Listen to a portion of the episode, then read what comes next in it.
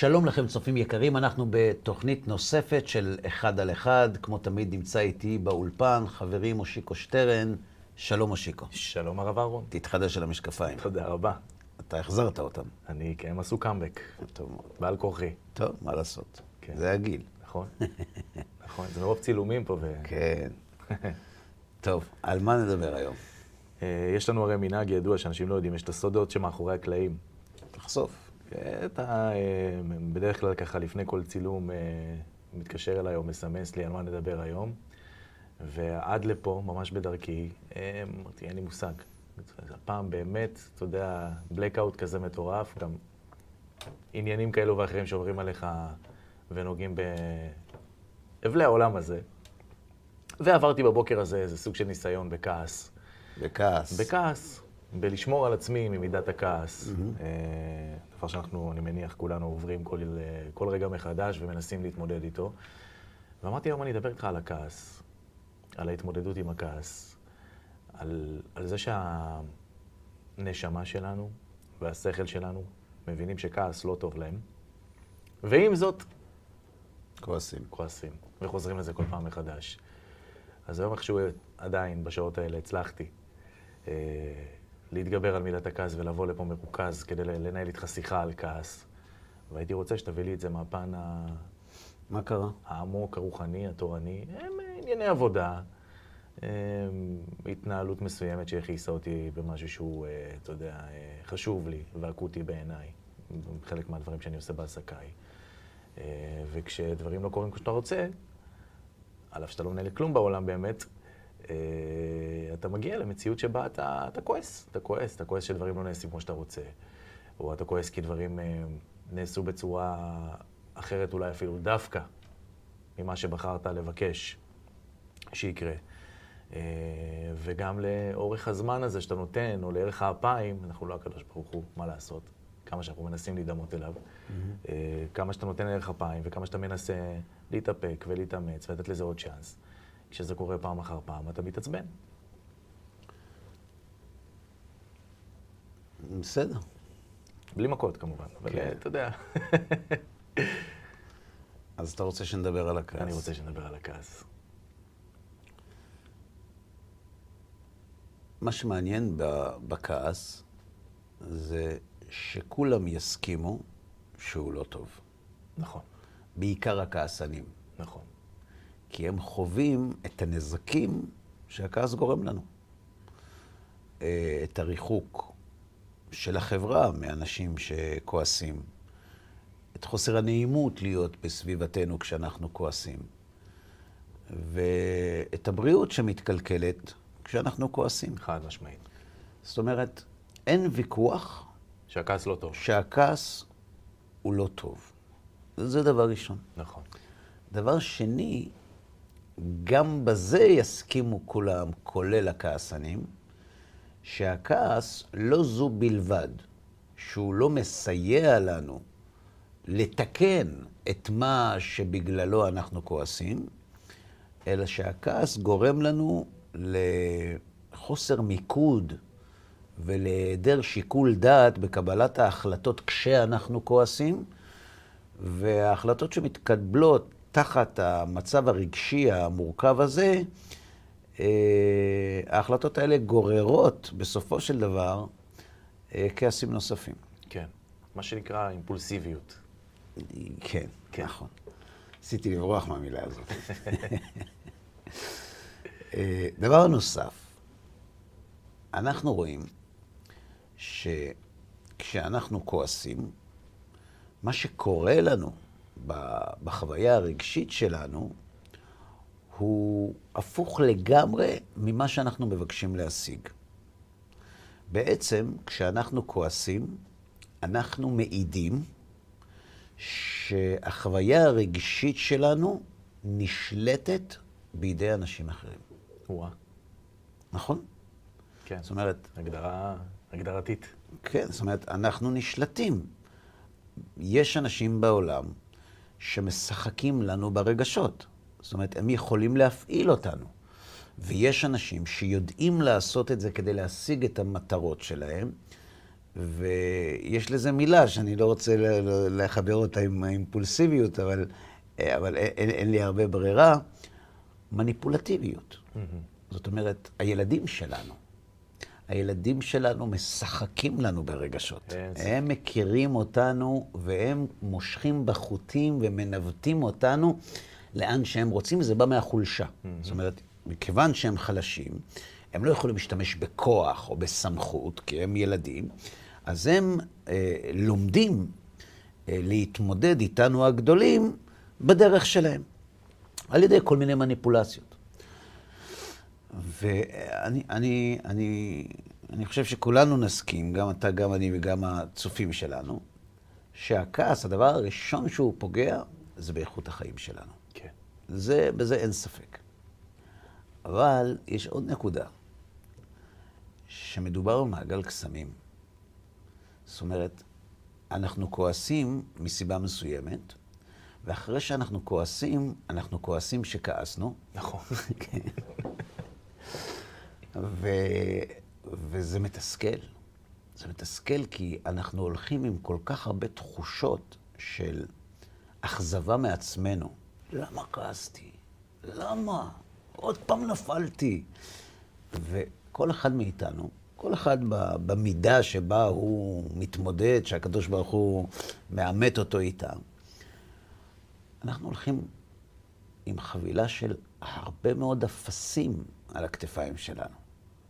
אתה לא שווה, אתה אינך זה, אתה לא עומד בדיבורך, אתה הבטחת ולא קיימת. אני רוצה לרדת לפרקטיקה. כן. אחרי שהסברנו למה הכעס הוא כל כך שלילי ולא כדי לקנות אותו, ו- וצריך לזהר ממנו ו- וכולי. השאלה שאני מבקש לשאול זה, למה למרות שכולנו מבינים בשכל, כמו שפתחת ואמרת, את הנזקים ואת השלילה שבמידה הזאת, למה כל כך קשה לנו להתמודד איתה? ולמה זה חשוב? כי, כי הכעס משפיע על החוויה של החיים שלנו במקומות הכי חשובים לנו. זאת אומרת, כשאתה כועס בעבודה, אז בסדר, אז כעסת בעבודה, רבת עם בן אדם, אה, או אני רבתי עם בן אדם. בסדר, אה, אנחנו לא מצפים ממערכת יחסים בעבודה שתהיה מערכת יחסים מבוססת על נאמנות. כי הרי כולנו יודעים שאם אתה מעסיק אותי, זה לא בגלל שמצאתי חן בעיניך, אתה מעסיק אותי כי כרגע מבחינה כלכלית זה משתלם לך, אתה לא פתחת פה אגודת צדקה. לכן, גם אם קורים דברים בעבודה שמתסכלים אותנו, בסופו של דבר הפגיעה והכעס שלנו הוא לא כל כך נורא, כי אנחנו מבינים שאין פה איזה מערכת רגשית, יש פה מערכת של אינטרסים. איפה הכעס וה... זה לא רק הכעס, זה תחושה של תסכול גדול. איפה, איפה אנחנו מוצאים את זה יותר? אנחנו מוצאים את זה יותר במקומות שאנחנו מצפים למערכת בין-אישית שמבוססת על רגשות. וזה יכול להיות בבית, בין בני זוג. אתה יכול לראות שכאשר בני זוג רבים, מתקוטטים, אה, יש בני זוג שמסוגלים שבועיים לגור תחת אותה קורת גג ולא לדבר. כן. אני, פעם ראשונה שאני שמעתי את זה, אני הייתי בהלם. זאת אומרת, עזוב, אני לא מדבר מבחינה דתית. יש לך אישה שאתה אוהב אותה. איך אתה מסוגל שבועיים לא לדבר איתה? איך אתה מסוגל להכאיב? הרי למה אתה לא מדבר איתה? לא אתה, כן. למה הוא לא מדבר איתה? כי הוא רוצה להכאיב לה, כי כאב לו, אז הוא יכאיב לו בחזרה. או שהוא רוצה את השקט, אתה יודע, גם אה? מציע, או שהוא רוצה את השקט. אם הוא רוצה את השקט, זה ייקח שנה, לא שבועיים. או שנים. כן, או שנים, יש גם זה יש. נכון. מה שאני מבקש להראות, זה שהכעס משפיע על איכות החיים שלנו בצורה ישירה ומשמעותית, בעיקר במקומות הכי חשובים לנו. אבל אתה עדיין יכול לשים לב שיש מקומות שבהם הכעס גם בא לתועלת. זאת אומרת, אתה במציאות מסוימת חווה איזה כעס אובייקטיבי. אתה מביע את זה החוצה בצורה שבה יש לך מה להגיד על העניין. כן. ופתאום דברים משתנים. אתה אמרת, כעס אובייקטיבי? איך יכול להיות כעס אובייקטיבי? לא, הכעס כן. הוא תמיד סובייקטיבי. נכון, ברור, נכון. הסיבה מוצדקת, אתה מתכוון. כן, אתה גם מרגיש שזה סוג של כאילו, די, הגיעו מים עד. נפש. הפעם צריך להגיד את זה. אין שום סיבה מוצדקת לכעס. אתה יכול להשתמש בפנים כעוסות כדי לחנך ילד. אתה יכול להשתמש בפנים כעוסות כדי להראות לבת הזוג שלך שנפגעת. אבל הלב שלי, אסור לו לשתף פעולה עם תווי הפנים. הלהראות כעס זה דבר אחד, והלכעוס זה דבר אחר. אלו שני דברים שונים. אז בוא ניגע בזה רגע. הלהראות כעס, בהצגה, כמו שאתה אומר. אה, לצורך העניין, בעבודה, בסדר? ובעבודה אתה רוצה רגע להראות לאותו אחד שעובד איתך, שאתה לא שבע רצון ממה שקורה, אז אמרת לו את זה בנועם, וזה לא קרה. ואמרת לו את זה בפעם השנייה בנועם פלוס, וזה לא קרה. בפעם השלישית קצת הראת פנים זועפות, או כתבת הודעות כואבות, או כל אחד מהדברים האלה. ואז הוא לוקח את זה למקום הזה של, איך אתה מדבר אליי ככה? אני הרי 1, 2, 3, 4, 5, כל הזה, אתה יודע, כזה. אבל בסוף, בשורה התחתונה, הוא מגיע לאיזה כותרת כזאת שאומר, טוב, תשמע, אני אטפל במה שרצית, מאחורינו. איך יכול להיות? מה קרה שם? אנחנו יכולים לריב בצחוק, לדמות ריב? לדמות. כן. כשאנחנו מדמים ריב, זה עולם אחר לגמרי מאשר כשאנחנו רבים באמת. צריך קודם כל לעשות חלוקה. אני לא אמרתי, ואני גם לא אומר עכשיו, ואני כרגע גם לא אגיד בעתיד, שאין מקום להבעת הכעס. אפשר. השאלה, וזה מאוד חשוב כדי, כשנוכל להתקדם ולהגדיר את השורשים של הכעס, מאוד חשוב לה, לעשות את ההבחנה הזאת. כי אם אני לא משתתף בהבעת הפנים, אני הרגשי שלי לא משתתף בהבעת הפנים, זה לא נקרא שאני כועס. גם אם אני אעשה את הפנים הכי חמורות סבר שיש, זה, אני לא כועס. אני לא כועס. הגוף שלי מייצר פה איזה עוויות פנים, אבל אני לא כועס. וזה מה שחשוב. האני הוא זה שנמצא פה בתמונה. ואתה יודע מה? אנשים מזהים את זה. כי כשאדם רואה שאתה מייצר כעס ואתה לא נמצא שם, יותר קל לו לקבל את מה שאתה אומר. אני רוצה להגיד משהו בעניין הזה. חז"ל אומרים, הגדרה מאוד מעניינת. אתה תשאל ברחוב בן אדם, תגיד, מה ההבדל בין צדיק לרשע? אז אה, כשאתה אומר צדיק, אתה מיד מצייר מישהו שהוא בבא סאלי. עוזר לזולת, ושהוא מתפלל, ושהוא... ואם הוא לא דתי, אז הוא תמיד מחפש איפה, איפה, איפה הוא יכול לתרום, וכן, נכון. כן. ורשע, רשע זה מתאגרף, אה, שעובד גם לא על הזירה, נכון? זה, זה, זה, זה רשע. כן. חז"ל אומרים הגדרה מאוד מעניינת. הם אומרים שהמראה החיצוני הוא לא הקריטריון לצדיק ורשע. זה לא שהם דומים מבחינה חיצונית. הרשע יכול להיראות גם צדיק. כן.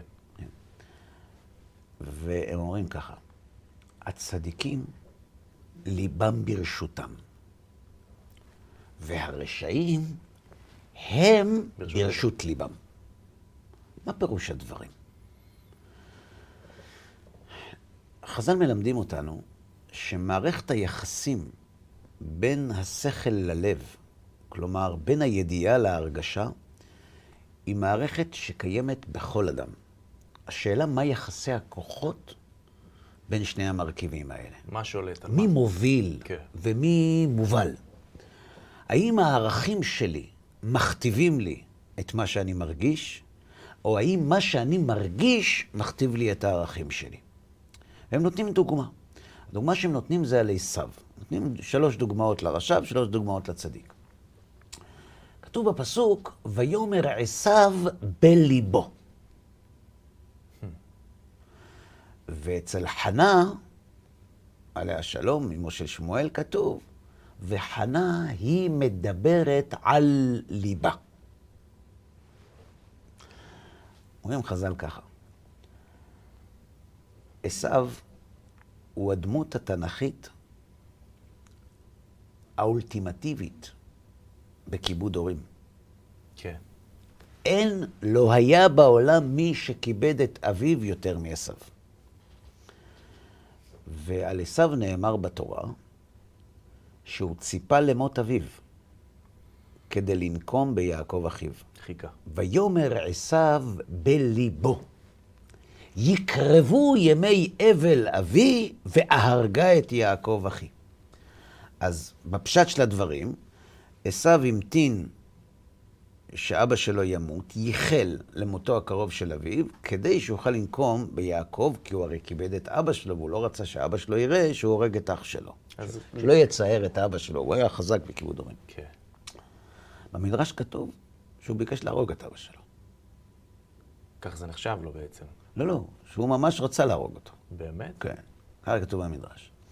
אבל גם אם, גם אם נתייחס להבנה הפשטנית שלנו, יש כאן שאלה עצומה. אדם שמכבד את אביו, זה אומר שהוא אוהב אותו. נכון. איך ירצה להרוג אותו? איך הוא מבקש שמושא אהבתו ימות? איך, איך יכול להיות דבר כזה? הרי, הרי אתה, הוא באמת כיבד את אביו. כתוב במדרש שלעתיד לבוא עשיו מתעטף בטלית ויושב בגן עדן. כן? ואז אה, הקדוש ברוך הוא שולח מלאכים להגיד לו ש... שיעבור ליציע. אז הוא אומר, כלום יש בעולם מי שכיבד את אביו יותר ממני? והמלאכים אין להם מה לענות. כן. היחיד שעונה לו זה הקדוש ברוך הוא. שהרי הקדוש ברוך הוא אומר לו, אני השם חוקר לב ובוחן כליות, ומה אמרת בלבך יקרבו ימי אבל אבי והרגה את יעקב אחי. מה הקדוש ברוך הוא אומר לו? הקדוש ברוך הוא אומר לו, אתה היית מוכן למכור את הערך היחיד שהיה לך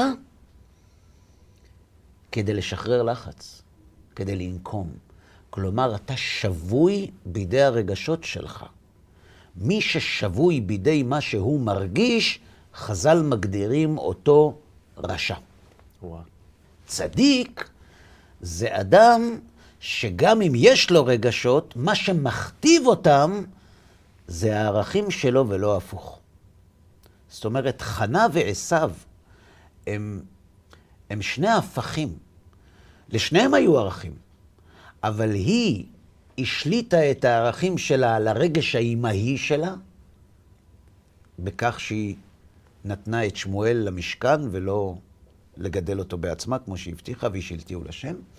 ואילו עשיו היה מוכן לוותר על כיבוד ההורים שלו, העיקר כדי לנקום.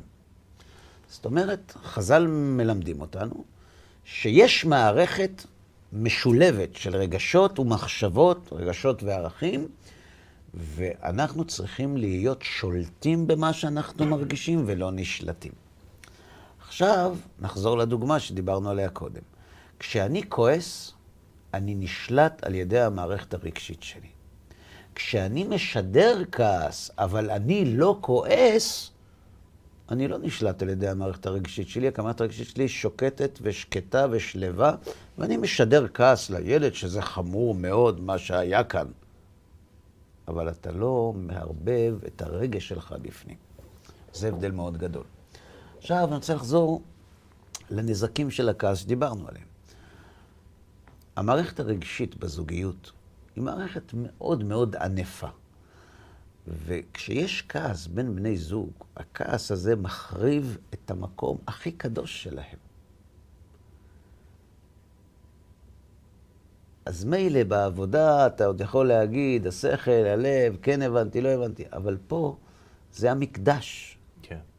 זה המקדש שלך. מה גורם לנו? לכעס. מה הסיבה שאנחנו כועסים? אז תראה, אולי דיברנו על זה באחת התוכניות שלנו. חכמי המוסר מלמדים אותנו שמי שרוצה לשלוט ברגשות שלו, היום קוראים לזה אומנות ניהול הרגשות בעולם של האינטליגנציה הרגשית. ניהול רגשות הוא אחד המאפיינים החיוניים והבולטים והמשמעותיים בחייו של בעל האינטליגנציה הרגשית. זה נשמע אבל דיסוננס. מה זה ניהול רגשות? רגשות זה- אתה זה- מרגיש. נכון, זה נשמע מלאכותי כזה, כאילו כן. לשחק. כן. זה הכי אמיתי שיש. אנחנו צריכים להבין רק איך זה עובד. אוקיי. איך מנהלים רגשות. חכמי המוסר של עם ישראל לא חיכו לפסיכולוגים, כי הם באו מאוחר, החכמים כבר היו מזמן, אז היו צריכים להתארגן עד שיגיעו הפסיכולוגים. אז הם לימדו אותנו שהרגשות שלנו הם נפעלים. הם לא פועלים. הרגשות שלנו מגיבים, תוצר. כן. הם לא יוזמים. עכשיו, למה הרגשות שלנו מגיבים? למה שהסביבה אה, אמרה להם. למציאות. כן. זאת אומרת, מה שאנשים רגילים לומר, זה אני קולט נתונים שהפרשנות שאני מעניק להם גו- גו- גורמת לי להרגיש את מה שאני מרגיש. נכון. נכון? לכן למשל כשמישהו אומר, אה, זה היה בלי כוונה, אה, לא ידעתי, אה, אז פתאום הכל מתפרק, נכון? אלא שיש כאן עוד מרכיב. אני רוצה לעשות איתך תרגיל, מושיקו. טוב. זה הרבה יותר עמוק ממה שאנחנו חושבים. אתה רואה אותי? עכשיו יותר טוב. איך אתה רואה אותי? איך אני רואה אותך? הרב אהרון. כן, אבל, אבל בעזרת מה אתה רואה אותי? עיניים. אתה רואה אותי עם העיניים. כן. זה ככה אנשים רגילים לחשוב. אלא? זה לא נכון. אתה לא רואה אותי עם העיניים. אני אסביר. אוקיי. בקדמת פניו של כל יצור יש שני גלגלי ג'לי קטנים. מה הם עושים, הגלגלים האלה? יש גלאי נפח באולפן. כן. מה תפקידם של גלאי הנפח? לגלות נפח. הם מודדים את הנפח. במקרה שיש שינוי במדידה של הנפח, מתחבר מעגל חשמלי, ששולח אות חשמלי למוקד, שם האות חשמלי מפעיל מערכת אזעקה, ואחרי עשר שעות שולחים ניידת, נכון? פחות או יותר, תלוי באזור. כן, נכון? תגיד, יש מישהו שמאמין שהגלאים רואים? ודאי שלא.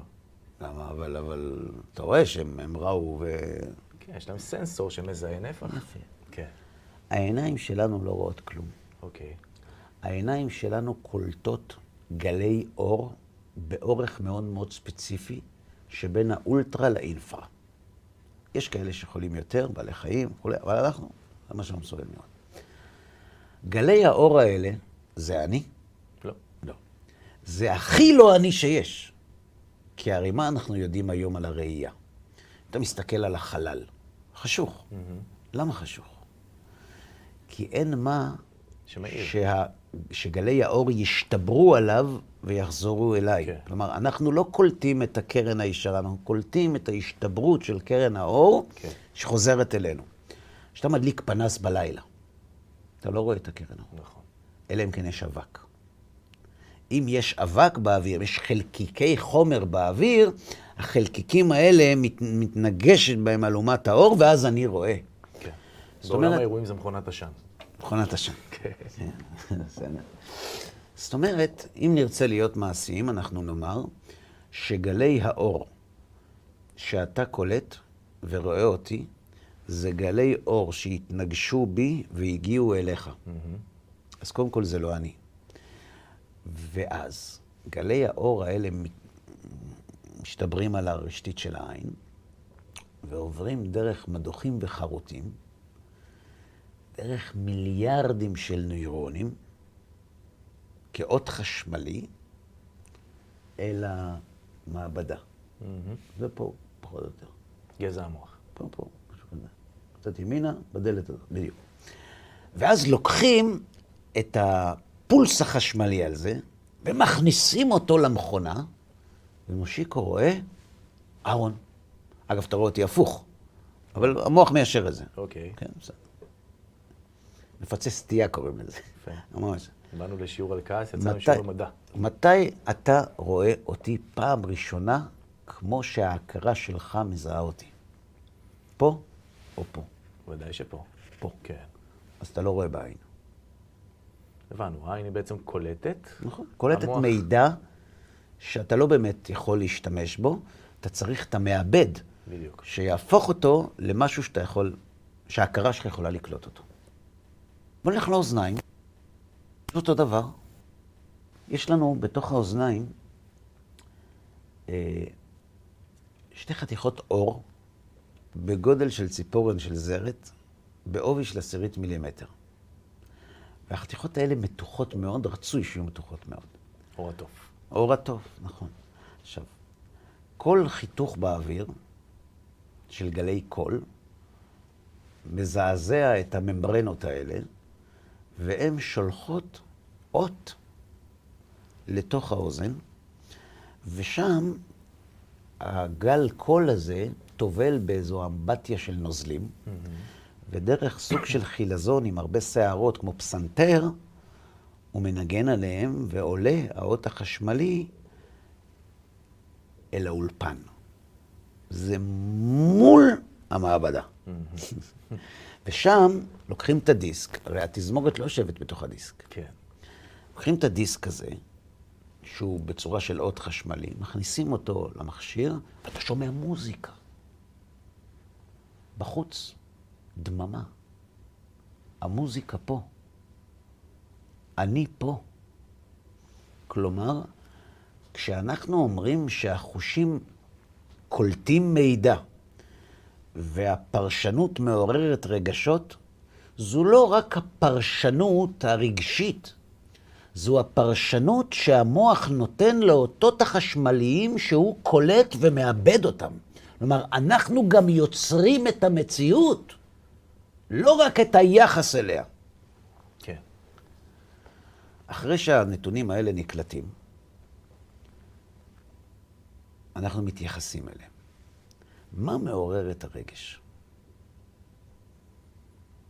התוצאה? איך אני מפרש, על פי מה, על פי כן. איזה קוד, זה מאוד חשוב, כי אנחנו צריכים לדעת איך אנחנו כועסים. על פי איזה קוד אני מפרש את הנתונים שאני קולט. אוקיי. אתה יכול לראות שיש אנשים שרואים את, אותה, את אותו תרחיש, זו הסיטואציה, נכון. והם אחרת. זורמים איתו, ואחרים נתקעים איתו. מה עושה את ההבדל? אז ככה, באג במחשב, אתה אומר. לא, אני לא חושב שזה באג. זה הייחודיות של כל אחד ואחד מאיתנו. המבנה האישיותי הייחודי של כל אחד מאיתנו, זו מתנה מהשם יתברך.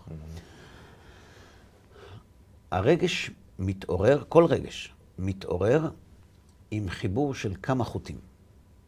למשל, אה, כדי שאני ארחם, אני צריך לחבר שני חוטים. סבל וצדק. סבל וצדק. מי שלא ראה בחיים שלו סבל, יודע מה זה רחמים? לא. כי כדי שאני ארחם או אתרחם, אני צריך מישהו שצריך לרחם עליו, שהוא סובל, או שהוא מסכן, אם זה בעל חיים או אם זה בן אדם, זה לא משנה. בדיוק. אבל מתברר שהסבל לבד לא מעורר בנו רחמים, שהרי אנחנו יודעים שיש אנשים שהם סובלים ואנחנו לא מרחמים עליהם. אנחנו צריכים עוד אמת מידה, עוד חוט. והחוט הזה נקרא הפלס הערכי שלי, הצדק הסובייקטיבי שלי. הוא סובל, אבל מגיע לו. במקרה שלנו, ולא מגיע לו לסבול, אה, אז אם הוא סובל ולא מגיע לו לסבול, התולדה היא רחמים, וזה לא נשלט. זאת אומרת, אין לנו יכולת לבחור לא לרחם כששני החוטים יתחברו. כלומר, התוצאה של התפרצות רגש הרחמים היא בלתי ניתנת לעצירה ולשליטה. כן. הדרך היחידה לכבות את רגש הרחמים זה לחזור לחשבון ולהוציא את אחד החוטים. או הצדק. הוא לא סובל באמת, הוא מעמיד פנים, או שמגיע לו. בדרך כלל זה מגיע לו. כן. ואז אנחנו מפסיקים לרחם. כל הרגשות שלנו, אז זה גם מעורר כעס. נכון, כי הוא ניסה לעבוד עלינו. כל הרגשות שלנו פועלים בצורה הזאת. כלומר, אנחנו צריכים חיישנים, אנחנו צריכים פרשנים מוחיים למה שאנחנו רואים, אנחנו צריכים מערכת ערכית שתיתן את הצבע שלה כן.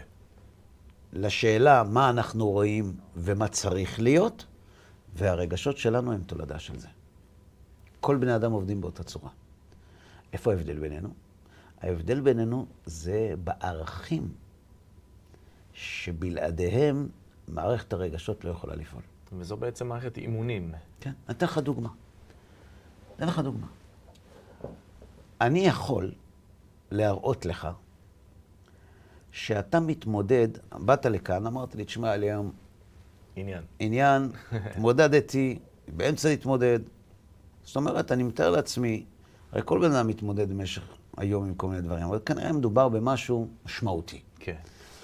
אני מוכן להתחייב בפניך, מושיקו, יש לנו כמה צופים, ש...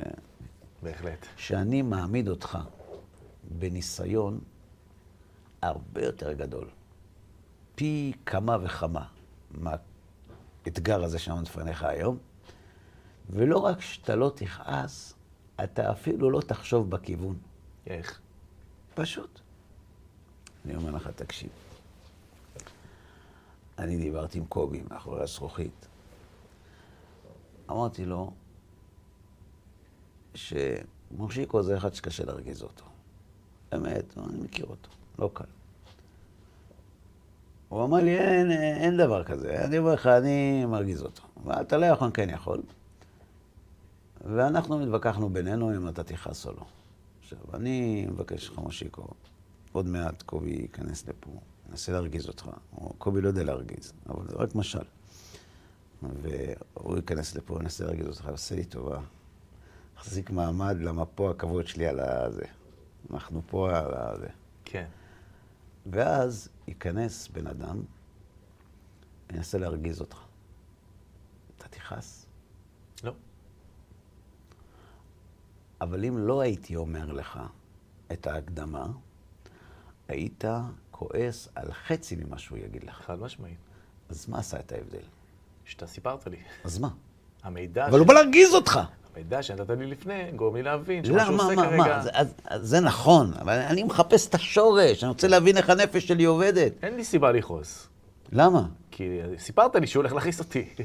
בכוונה תחילה. אז למה אין לך סיבה לכעוס? זה בדיוק מה שאני שואל. זה מקדם אותנו אל ההבנה למה אנחנו כועסים. זאת אומרת, זה שאמרתי לך שהוא בא להרגיז אותך, זה גורם לך לא לכעוס. ומה גורם לך כן לכעוס? אם לא הייתי... שלא אומרים לך? אז התשובה היא מרתקת. אותו גורם שגורם לנו לכעוס כשלא אומרים לנו את זה לפני, הוא זה שגורם לנו לא לכעוס כשאומרים לנו את זה. האגו. כן. למה אנחנו כועסים? כדי שאנחנו נכעס, צריכים להתחבר שני חוטים. הדימוי העצמי שלנו, בעיני עצמנו, ומה החברה חושבת עלינו. וההפרש ביניהם יקבע את מדד הכעס. כלומר, אני חושב על עצמי, לצורך העניין, בוא נגיד משל, בן אדם חושב על עצמו שהוא תשע וחצי, בסדר? ואתה ואני יושבים לו בהרצאה, מסתכלים עליו ככה עם מבט של שלוש ורבע. כאילו, מי? מה? אנחנו שדדנו ממנו שני שליש מהאישיות שלו. כן. ולבנות אישיות זה לוקח המון זמן. אנחנו גנבנו לו מהבית שני שליש מהתכולה, מהבית הפרטי שלו. ההפרש הזה מוליד בו כעס. כשאני אומר לך שמישהו בא להרגיז אותך, זה שאתה לא תכעס יעצים את הדימוי העצמי שלך. נכון. אז בשיניים אתה לא תכעס. אבל אם לא אמרתי לך את זה, אז זה שהוא בא להרגיז אותך, הוא בעצם פוגע בדימוי העצמי שלך. לכן אתה כן תכעס. כלומר, הכעס הוא פועל יוצא של התנגשות המציאות עם הרצון שלי. וכיוון שהרצון שלי חשוב מאוד, כי אני, לצורך העניין, תשע וחצי, אז מי שהוא תשע וחצי הוא רגיל שהרצון שלו מתקיים. וכשהמציאות לא מקיימת את הרצון שלו, והדברים לא מסתדרים לפי איך שהוא חושב שנכון שיסתדרו, הוא כועס. עכשיו, יש לזה עוד קומה. זה לא רק עניין רגשי. למה אנחנו כועסים, נגיד בן אדם בא ביום כיפור לבית כנסת, בסדר? הוא לא גר במאה שערים, אבל יום כיפור הוא בא לבית כנסת. עכשיו, יש שכן שהוא כל יום כיפור, לא, לא פה, לא פה. הוא עושה מנגל Hmm. ליד הבית כנסת. למה זה מקומם אותו? או הפוך. כל שנה ביום הזיכרון לחיילי צה"ל אה, יוצאים עיתונאים לרחובות הערים החרדיות כדי להציג את החרדי התורן שלא עומד בספירה. נכון. בסדר. לפעמים משלמים להם, לפעמים שוכחים לשלם להם, אבל... גם. ו... זה מרגיז אנשים. עכשיו, אני יודע שזה מרגיז אנשים כי, כי כשאני מופיע בפני ציבור, אז אנשים שואלים את השאלות האלה. מגיעים ריקושטים. כן. מה, מה, אי אפשר לכבד, אי אפשר לכבד, זה אנשים. עכשיו, למה הוא כועס? מי פגע באגו שלו? מי דיבר על האגו שלו? זה פגע בערך שלו. אז מה? אז פגע בערך, אז מה? אתה אומר נכון, אבל למה? אני השתתפתי פעם בפאנל. הייתי אמור לייצג את, ה... את, את, את, את. את החרדי. כן. לא את הציבור החרדי, כי הציבור החרדי לא מינה אותי לייצג אותו, אבל את, את עצמי כ, כ, כאדם שהוא חרדי. ישב שם מישהו ו, ו, ואמר, מה זה שיגיד בן אדם שדגל ישראל בשבילו זה סמרטוט? אז פונה אליי המנחה ואומר לי, מה, מה אתה אומר על זה? אמרתי לו, יש לי שתי תשובות בדבר. תגיד לי, פניתי לבן אדם, אל תכעס עליי. מה זה דגל ישראל? אחד אחד, מה זה? אז הוא הסתכל עליי ככה. גם אתה כזה? אמרתי לו, לא, ממש לא. אבל למה אתה כועס? הוא מדבר על חתיכת בד. למה אתה כועס כשהוא אומר שהבד הזה סמרטוט? זה חתיכת בד. ממתי אנשים כועסים כשמישהו מדבר על בד? מה, אנחנו עובדי אלילים? תשובה. הוא אומר לי, למה? הבד הזה, זה אני!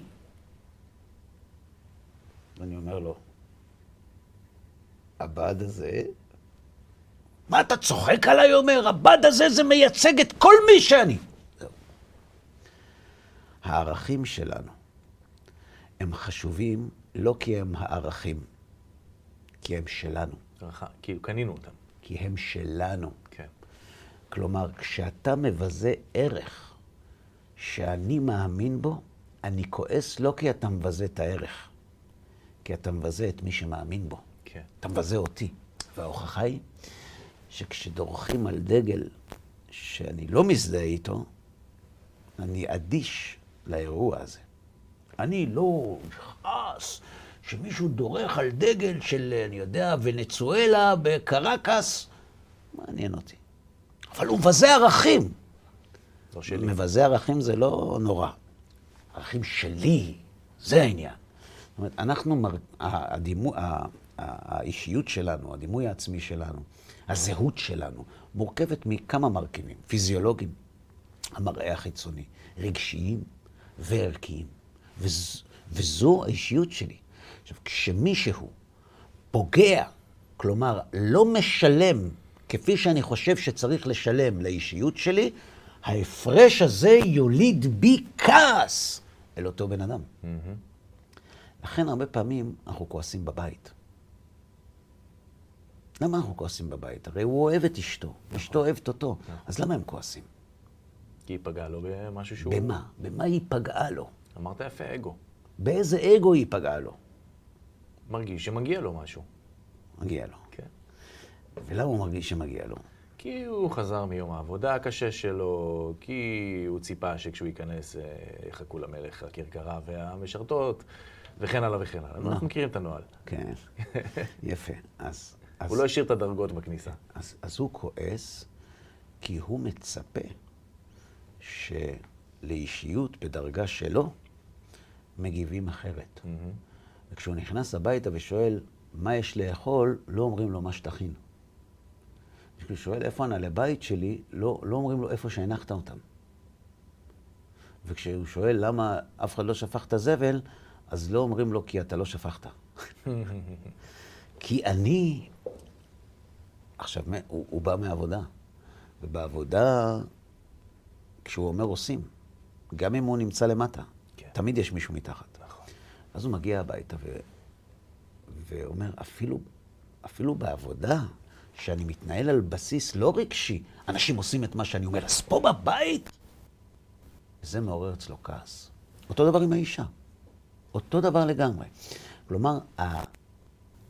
ההתנגשות של היחס של הסביבה, שנקלט בחושים ומפורש על ידי המוח, ומשולב עם המערכת הערכית, כשהוא מגלה שהחברה לא מייחסת את אותה חשיבות לצרכים החומריים שלי, לצרכים הרגשיים שלי או לצרכים הערכיים שלי, שזה מי שאני, התגובה היא כעס. אז מה, מה הפתרון? להגיד לעצמך, מי אתה בכלל? לחזור לחוטים. אוקיי. אתה זוכר שדיברנו על הרחמים? כן, אמרנו שיש חוטים. נכון. ברגע שנזהה שזה הכל הצגה כי באו מביטוח לאומי, או ברגע שנזהה שהאיש הזה אין תוכו כברו ומגיע לו, אנחנו נפסיק לרחם. נכון. אנחנו צריכים לזהות את שני החוטים של הכעס. וברגע שנזהה את שני החוטים של הכעס, אנחנו לא נכעס. אין דרך אחרת. אין דרך אחרת. אז נגעת לי בנקודה, חלילה אם הכעסת אותי, נגעת לי בנקודה שבה אתה מדבר על פער כזה בין הדימוי העצמי שלי לבין מה שחוויתי ממך אליי, נכון. ואני צריך לזהות את החוט הזה, ומה לעשות איתו? לנתק אותו? בוא נבדוק. אתה טוען שאתה זכאי ליחס שונה ממני בגלל מי שאתה. או כי קניתי את זה. אתה יודע, זה שלי כבר, איך אמרת קודם. מה שלך? אותם הערכים שאני בגללם חושב שאני יכול לכעוס עליך עכשיו. אתה רוצה לדבר על התחום הערכי או על התחום הרגישי? אין לי בעיה, מה שתרצה. בעיניי סיים סיים, אבל אתה תגיד. כן, אבל הדוגמאות הן יהיו שונות. אוקיי. הדוגמאות יהיו שונות. נגיד ערכי. כשמישהו פוגע בערכים שלי, אני יכול להצטער, לכאוב ולכעוס. אני לא מדבר על לכאוב ולהצטער, אני מדבר על הלכעוס. למה אני כועס? כי פגעת בערכים שלי. נכון. ואם זה לא הערכים שלי, שמישהו אחר? כן, לא מעניין אותי כנראה. לא מעניין אותך. ככל הנראה. זאת אומרת, אתה כועס בגלל אלא אם כן שפגעו יש לי. חמלה לאותו אחד. אתה כועס בגלל שפגעו בך, מהמם. נכון? זאת אומרת, אתה מצפה שאנשים ינהגו כבוד בערכים שלך בגלל שהם שלך, ומגיע לך שיכבדו אותך. נניח. לא. כן. אם יש לך הסבר אחר, אני אשמח לשמוע. לא, לא, בסדר. זאת אומרת, הכל מסתכם בשורה התחתונה, מגיע לי, בגלל מי שאני. בגלל מי שאני, מגיע לי יחס אחר. אני חבר במועדון פלטינום. כן. אני, את תדברי אליי ככה? אני פלטינום. נכון? זאת אומרת, אני מבקש שינהגו בי לפי מי שאני חושב שאני. ומגיע לי שינהגו בי ככה. כי אני מפרנס אותך. כי בזכותי יש לך משכורת. והיהדות שואלת, מה מגיע לך? ומה עונה? כלום. שמת לב? היא לא אומרת שאת, שאתה כלום, חס ושלום, כן? אלא לא מגיע. לא מגיע לך כלום על מי שאתה. כי אתה לא יכול להשוויץ בציור שלא ציירת. כי זה לא שלך. אבל במציאות כזאת, מה שאתה בעצם אומר, בוא נמשיל את זה רגע להיררכיה. אז למה יש חוקים למלכים? לא בגללם. מלך שמחל על כבודו, אין כבודו מחול. נכון. למה? כי הכבוד של המלך זה לא הכבוד שלו, זה הכבוד של האומה. אני אתן לך דוגמה. יש אנשים, אני לא שופט אותם. אני, בשבילי, ניצולי שואה הם אנשים קדושים. נקודה. אבל אתה, אתה קורא, יש ניצולי שואה, קראתי, שהחליטו שהם סולחים לגרמנים. ואני שואל, בשם מי? בשם מי אתה סולח? בשם כל הנרצחים? בשם הסבתא שלי? בשם מי אתה סולח? אולי בשם עצמו. אז אל תגיד שאנחנו סולחים, תגיד שאתה סולח. מי ניכס לך את העם היהודי שאתה תדבר בשמו? הוא שלך? אני לא סולח, לעולם לא אסלח. מי מינה אותך לסלוח? אגב, זה היה שורש המחלוקת הגדולה שילומים. בין מנחם בגין, זיכרונו לברכה, לבן גוריון.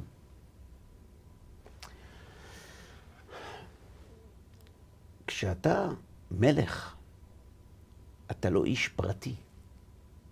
אתה לא יכול כאיש פרטי להחליט שאתה סולח בשם הציבור. אגב, רואים את זה בנביא עצמו. כשדוד המלך חשב שהוא מלך, הוא לא היה רשאי למחול על כבודו. ומי שמרד בו, הוא הרג אותו. כי מלך שמחל על כבודו, אין כבודו מחול. נכון. אבל כשאבשלום מלך במקומו ודוד המלך חצי שנה ברח כמצורע במדברות, ושמעי שהוא מלך. בן גרה קילל אותו, השם אמר לו כלל. השם אמר לו כלל. זאת אומרת, כשמדובר על הכבוד שלך, האישיות שלך, הפרטית, הדוד הפרטי, השם אמר לו כלל. כשמדובר על מלך, זה סיפור אחר. אז בעצם בעיניים שלנו, אנחנו במציאות של השם אמר לו כלל בהכל. נכון. קשה. מאוד. מאוד קשה. עזוב, אני לא מדבר בפרקטיקה. כן. אני מדבר כרגע קודם כל במניע. אנחנו מחפשים לרדת ל... ל... ל... ל... נפץ הזה שמפוצץ את הפצצה של הכעס, ולבדוק מה, איפה זה, איפה זה קורה, מה קורה שם, למטה, למטה. אז הבנו, זה הדלתא. הדלתא בין מה שאני מרגיש נכון. על עצמי, נכון. לבין מה שאני מרגיש שמרגישים כלומר, אליי. הדבר הראשון שצריך להשתלם בו ולהתאמן בו כדי לנצח את הכעס. זה, הדבר האחרון זה להגיד אני לא כועס, זה לא שווה כלום. זה לטפל במניע. עכשיו, אגו יש לנו. אה, זה, זה מי שאנחנו. כל המהות שלנו זה הרצון, האני שלי. אבל מה שאנחנו כן יכולים לטפל בו, זה לא מגיע לי על זה כלום. כל החלקי חילוף שיש לי, קיבלתי מהמחסן. זה לא שלי. הגוף שלי, קיבלתי. הנשמה שלי, קיבלתי. הכישורים שלי, קיבלתי. אז למה זה כל כך קשה לנו לחיות עם זה? אם הקדוש ברוך הוא היה עומד לידינו, זה היה קשה לנו לא לכעוס? ודאי. היה קשה לא לכעוס? אה, לא, לא לכעוס. אז ודאי שלא. ודאי שלא כועסים. למה? כי אם זה שנתן לך להחזיק ביד את כל הכישרונות שלך, עומד לידך ואתה הולך לאנשים, אומר, אתם תכבדו אותי בגלל מי שאני, מי אתה? הוא מסתכל ואומר, תגיד לי, מה, אתה לא מתבייש להגיד שזה שלך? נכון? נכון. יפה. הבעיה היא שהקדוש ברוך הוא לא לידינו. כן. זה כמו שמישהו נותן לך מטמון, ואומר לך, אני עוד 70 שנה חוזר. הפיתוי לא לייחס לעצמך מעמד וכבוד בגלל המטמון שיש לך ביד הוא מאוד מאוד גדול. מאוד. לכן, אם אדם רוצה לנצח את הכעס, הוא צריך להכניס את הקדוש ברוך הוא לחיים שלו. זאת אומרת, להרגיש שזה שנתן לו את כל המתנות עומד לידו. מה שנקרא, שיוויתי השם לנגדי תמיד. זו נקודה ראשונה. ויש עוד נקודה. אנחנו הרי יודעים שאין דבר בעולם שמתנהל ללא גזירתו של הקדוש ברוך הוא. ככה אנחנו יודעים. זאת אומרת, אין דבר כזה קרה סתם. אין. עכשיו, אם אין קרה סתם, זה קרה בתכנון. עכשיו בואו ננסה לחשוב רגע. אם מישהו היום בא בעבודה והרגיז אותי, זה קרה סתם? לא. לא. מישהו שלח אותו להרגיז אותי. אז אתה אמרת שאם אני יודע שמישהו שולח מישהו להרגיז אותך, אתה לא כועס. אז למה אני כן כועס? זאת אומרת, כי באותו רגע אני לא זוכר. כי אנחנו לא באמת מאמינים בהשגחה פרטית. וואה. מדד הכעס מעיד בצורה הבהירה ביותר עד כמה אנחנו מאמינים בעיקר הראשון של יסודות האמונה. אני מאמין שהקדוש ברוך הוא מצוי, כמה מצוי? לידי מצוי או בשמי השמיים מצוי? ב', הוא משגיח. לא, הוא לא משגיח, אדם יש לו בחירה, הוא יכול להתחיל להרגיז אותי. בסדר. עכשיו אני מבין למה אתה כועס. אתה כופר בהשגחה. נכון. הכעס הוא כפירה במלוא כל הארץ כבודו ובהשגחה הפרטית. לכן אמרו חז"ל שכל הכועס כאילו עובד עבודה זרה. מה כל כך חמור בכעס? זה לא עניין של חמור, כן, זה צילום מצב. מה זה עבודה זרה? שיש בעולם כוח חוץ מהקדוש ברוך הוא. אתה עכשיו לא מאמין בקדוש ברוך הוא? כי אם יש דברים שקורים בלי שהקדוש ברוך הוא מנהל אותם, אז אני יכול לכעוס, כי זה לא הקדוש ברוך הוא. אבל אם יש גורם שמנהל את העולם בלי הקדוש ברוך הוא, אז יש אל זר בעולם, וזה נקרא עבודה זרה. לכן כל הכועס כאילו עובד עבודה זרה. כלומר, הכעס שלנו הוא תולדה של חוסר אמונה במציאות השם ובהשגחתו. עכשיו, אם אנחנו מחזיקים את עצמנו אנשים מאמינים, הדבר האחרון שאנחנו יכולים להרשות לאגו שלנו זה לחוות כעס. כי אם אנחנו כועסים, אנחנו בעצם מוכיחים לעצמנו שאנחנו לא מי שאנחנו טוענים שאנחנו. לכן אסור לכעוס. שלא לשמה. רק כדי להוכיח שאני כן מאמין. וזה היה הניסיון. וזו הדוגמה שחז"ל מצאו לתת לנו, דוגמה מפורסמת על הלל הזקן. הגמרא מפורסמת. הלל הזקן, ש...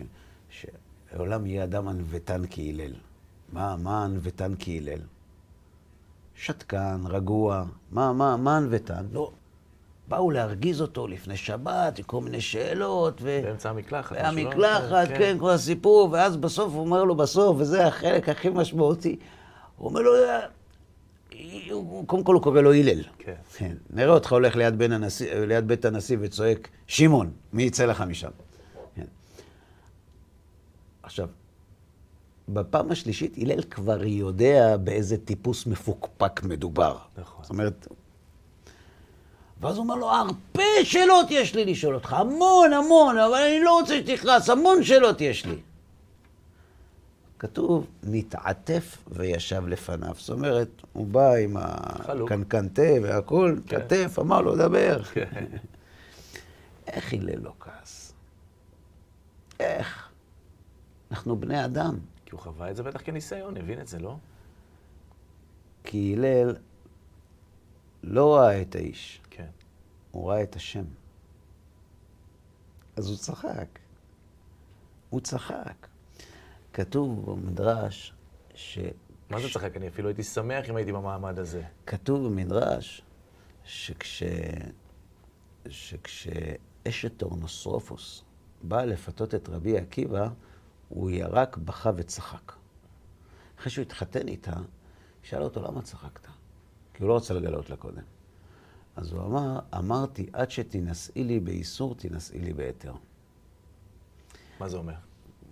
יש לי ידיעה שאני אתנסה בניסיון כזה. וידעתי שאם אני אעמוד בניסיון, אז תתחתני איתי. אז כשראיתי אותך, אמרתי, אה, זה היא. זה רבי עקיבא? רבי עקיבא. אחרי רחל. אחרי רחל, כן. אשת טורנוסרופוס. מי זאת? אשתו של טורנוסרופוס, שחיק עצמות. טורנוסרופוס היה הנציב הרומי בסוריה. Mm-hmm. הוא זה שסרק את בשרו של רבי עקיבא במסרקות של ברזל. וואו. הוא היה פילוסוף. פעם הרוצחים היו גם פילוסופים. היום השתנו התוואים. קשור בזה שהוא לקח את אשתו? לא. ו... והגמרא, המדרש מספר שכשהוא ראה אותה, אז הוא ירק, בכה וצחק. אוקיי. מה צחק? אז הוא אמר, הנה, זאת האישה שאמרו לי שתבוא לנסות אותי וניסים לזנות, וה... לא קשה. מי שחי כל ימיו עם הרגשת השם ועם אמונה מוחשית בהשגחה פרטית,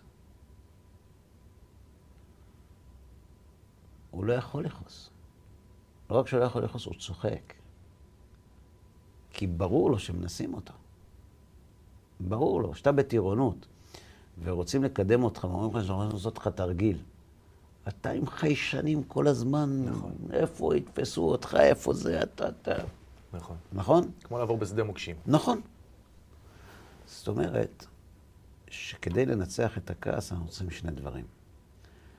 לדעת מעלתנו, אבל לדעת שהמעלות האלה פיקדון בידינו ואינן שלנו, ולכן לא מגיע לנו על זה שום דבר.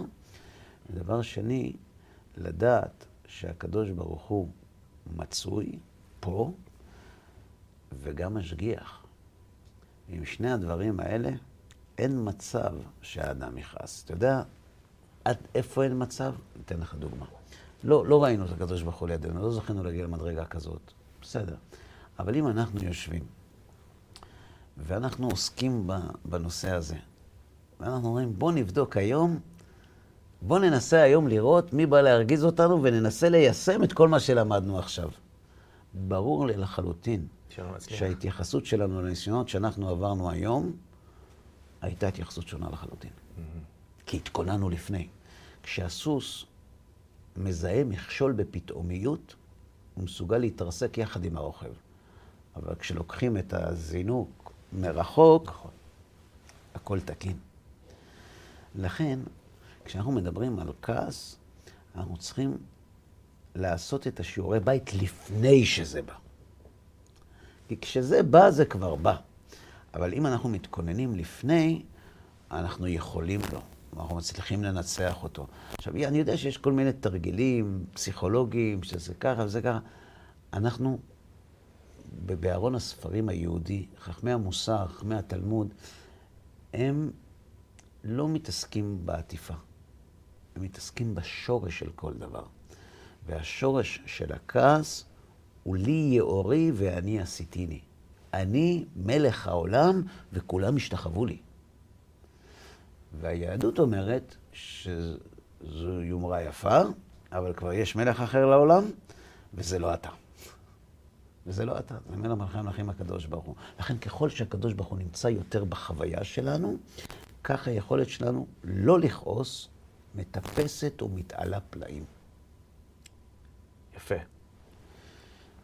זה בפרקטיקה, הפרקטיקה של החיים. להכניס את העיקר הראשון של יסודות האמונה לתוך החיים שלנו. זאת אומרת, שאם אני רוצה להניע לפעולה של משהו שלא מצא חן בעיניי וצריך לקרות אחרת, הדבר הראשון שאני צריך לעשות זה לנתק את הרגש מהפעולה שאני רוצה לעשות. אני אגיד את זה אחרת, אולי אנחנו אומרים את אותו דבר. כשאני נתקל במשהו שהוא לא לשביעות רצוני, כן. יש לי הזכות המלאה לבקש ולשנות את זה. לעשות את מה שנדרש ממני כדי לשנות את מה שאני חושב. אנחנו לא מדברים על המעשים, אנחנו מדברים על ההרגשה. איך אני הולך לשנות את זה? שהרי יגיד לי מישהו, רגע, אבל לא מבין, אבל אם הכל בהשגחה פרטית, אז מהשמיים, כן. אז מה אתה עכשיו מנסה להתחכם איתו? כן, אז אני מתחכם איתו. לא. כן. מעניין, אם בא מישהו עם אקדח, לפי ההלכה מותר לך לברוח או אסור? לברוח? כן. נראה לי שוודאי, לא? אבל השם שלח אותו. אבל נשמרתם. אבל השם שלח אותו, מה אתה מתחכם עם הקדוש ברוך הוא, מלאך המוות מלא החמה ליאתם. יש הבדל בין המעשים שאנחנו נדרשים לעשות לבין החוויה שאנחנו חווים. זאת אומרת, אתה צריך לבצע את הפעולות, כמובן במסגרת ההלכה, מה שמותר לך, להגן על מקום העבודה שלך, ואם מישהו אומר דברים לא נכונים, להגיד שהם לא נכונים, זה בסדר גמור. השאלה עם איזה מטען רגשי אנחנו אומרים את זה. אם השם עומד לידינו, איך אנחנו אומרים את זה? זה מבחן האמונה. זאת אומרת, הכעס הוא למעשה בוחן יומי-יומי למדרגת האמונה שלנו. וזה אפשרי. אני מכיר וגם הכרתי אנשים שלא כועסים. וואו. והם לא איזה אנשים רגועים כאלה וטמפרמנטים. לא תראה אותם כועסים. יש לי חבר, תלמיד חכם, אני מכיר אותו כמעט 30 שנה. ראיתי אותו במצבים שונים. מצבים שזלזלו בו, שהשפילו אותו, שהתייחסו אליו לא כפי שאני חושב שצריכים להתייחס אליו. אדם לא כועס. זו אמונה אמיתית. זאת אומרת, הלל הזקן חי את מה שאמרנו. אנחנו רק מדקלמים. כן. אבל הוא חי את מה שאנחנו אמרנו. עכשיו, בפרקטיקה זה לא שחור לבן, זה לא או-או. אבל זה תהליך. כן. כל עוד אתה כובש עוד טיפה. נכון, זה תהליך שאנחנו עוברים, ואת התהליך הזה צריך להתחיל בבית. כי זה המקום הכי משפיע על העולם שלנו. לא לכעוס. אמרת, השם אמר לו כלל, השם שלח אותו. נכון, אני צריך להיזהר, אני צריך לעשות את ההשתדלות שלי, אני צריך לבדוק מה אצלי טעון שיפור כדי שדברים כאלה לא יקרו. אני יכול גם להעיר. אני יכול להגיד שאני לא חושב שזה נכון להגיב בצורה כזאת למה שקרה, שזה לא פרופורציונלי, ו- ו- ושאני אני חושב ש- שהרבה יותר טוב היה אם היינו עושים את זה בצורה כזאת ולא כזאת. אתה יכול לתת ביקורת. השאלה מאיזה מקום זה בא, האם מלבך ברשותך, או האם משאתה ברשות לבך.